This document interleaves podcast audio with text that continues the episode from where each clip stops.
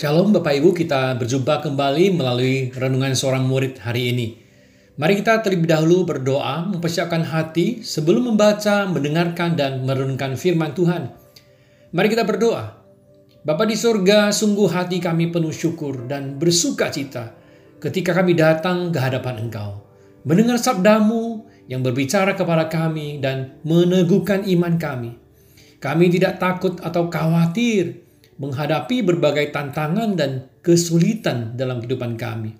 Asalkan Tuhan terus menyertai dan menguatkan iman kami melalui firman-Mu setiap hari. Karena itu hati kami penuh dengan kerinduan dan kehausan mendengar dan merenungkan firman-Mu. Berbicaralah kepada kami Tuhan.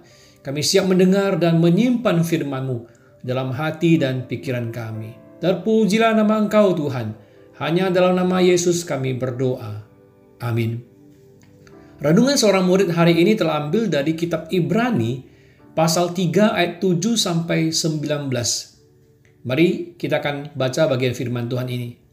Sebab itu seperti yang dikatakan Roh Kudus pada hari ini jika kamu mendengar suaranya, janganlah keraskan hatimu seperti dalam kegeraman pada waktu pencobaan di padang gurun, di mana nenek moyangmu mencobai aku dengan jalan menguji aku sekalipun mereka melihat perbuatan-perbuatanku 40 tahun lamanya. Itulah sebabnya aku murka kepada angkatan itu dan berkata, selalu mereka sesat hati dan mereka tidak mengenal jalanku, sehingga aku bersumpah dalam murkaku, mereka tak akan masuk ke tempat perhentianku.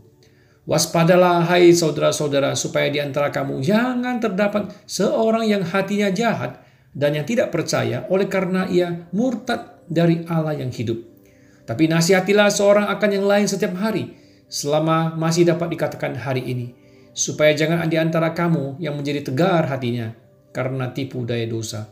Karena kita telah beroleh bagian dalam Kristus, asal saja kita teguh berpegang sampai kepada akhirnya pada keyakinan iman kita yang semula.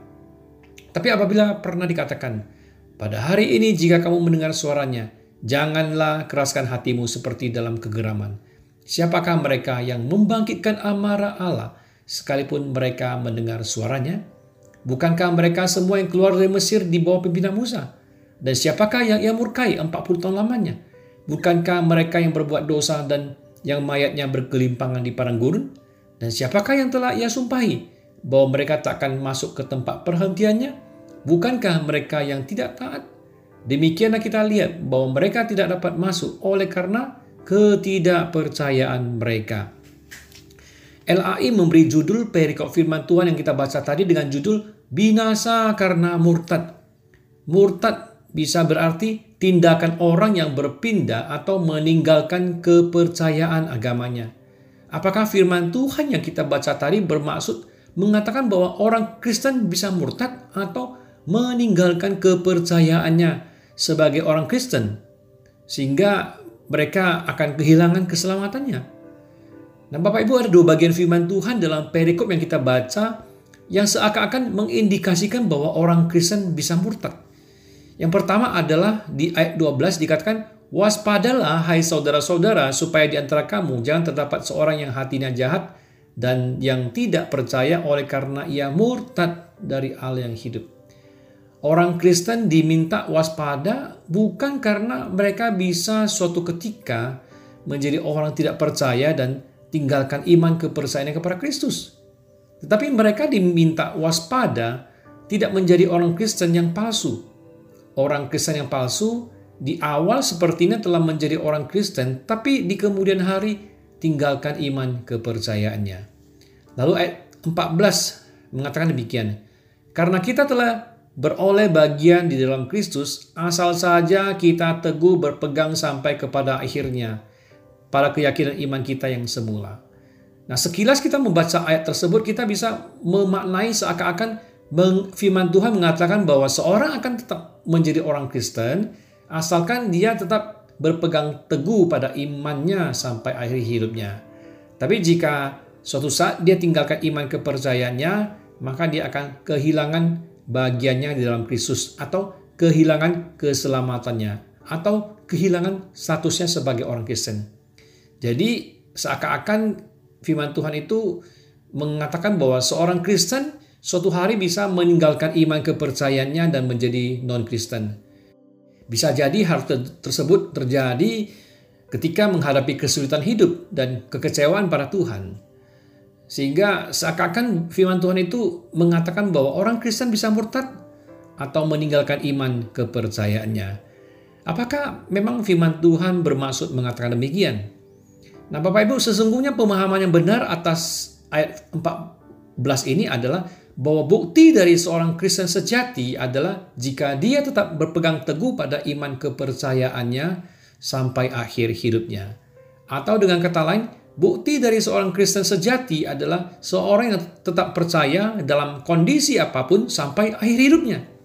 Atau ciri orang Kristen sejati adalah orang Kristen ini tidak akan murtad, tidak akan meninggalkan iman kepercayaannya. Dia akan setia menjadi murid Kristus sampai akhir hidupnya.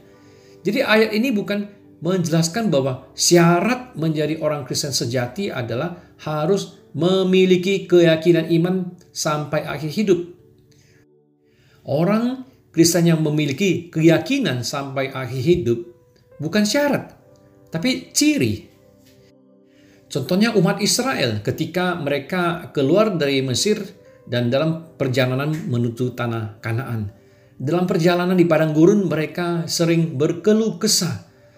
Dan sikap orang Israel ini menjadi gambaran dari umat Tuhan yang tidak sungguh-sungguh percaya. Padahal umat Israel ini telah melihat begitu banyak mujizat besar yang Tuhan lakukan. Mengalami belas kasihan Tuhan yang luar biasa. Namun mereka hanya percaya sesaat Ketika kesulitan datang, mereka berkeluh kesah dan kehilangan kepercayaan mereka. Karena itu generasi yang tidak percaya ini tidak masuk tanah kanaan atau tanah perjanjian. Ayat 19 mengatakan, demikianlah kita lihat bahwa mereka tidak dapat masuk oleh karena ketidakpercayaan mereka. Akar masalahnya adalah hati mereka yang keras dan tidak sungguh-sungguh percaya. Walaupun mereka telah melihat, menikmati begitu banyak kebaikan dan pertolongan Tuhan. Nah, Bapak Ibu, kitab Ibrani ini memang ditujukan kepada komunitas orang Yahudi. Dalam komunitas itu ada tiga kelompok. Ada kelompok orang yang memang belum percaya, ada kelompok orang yang percaya tapi tidak sungguh-sungguh percaya, dan ada kelompok orang yang sudah sungguh-sungguh percaya. Dalam komunitas orang Kristen memang ada kelompok orang-orang yang sungguh-sungguh percaya, dan ada orang Kristen yang belum sungguh-sungguh percaya. Firman Tuhan dalam 1 Yohanes 2 ayat 19 berkata, Memang mereka berasal dari antara kita, tapi mereka tidak sungguh-sungguh termasuk pada kita. Sebab jika mereka sungguh-sungguh termasuk pada kita, niscaya mereka tetap bersama-sama dengan kita. Tapi hal itu terjadi supaya menjadi nyata bahwa tidak semua mereka sungguh-sungguh termasuk pada kita. Bahwasanya ada orang-orang yang mengaku Kristen berada dalam komunitas orang Kristen, tapi belum sungguh-sungguh menjadi orang Kristen sejati. Demikian halnya dalam Matius 7 ayat 22 dan 23 berkata, pada hari terakhir banyak orang akan berseru kepadaku, Tuhan, Tuhan, bukankah kami bernubuat demi namamu dan mengusir setan demi namamu dan mengadakan banyak mujizat demi namamu juga?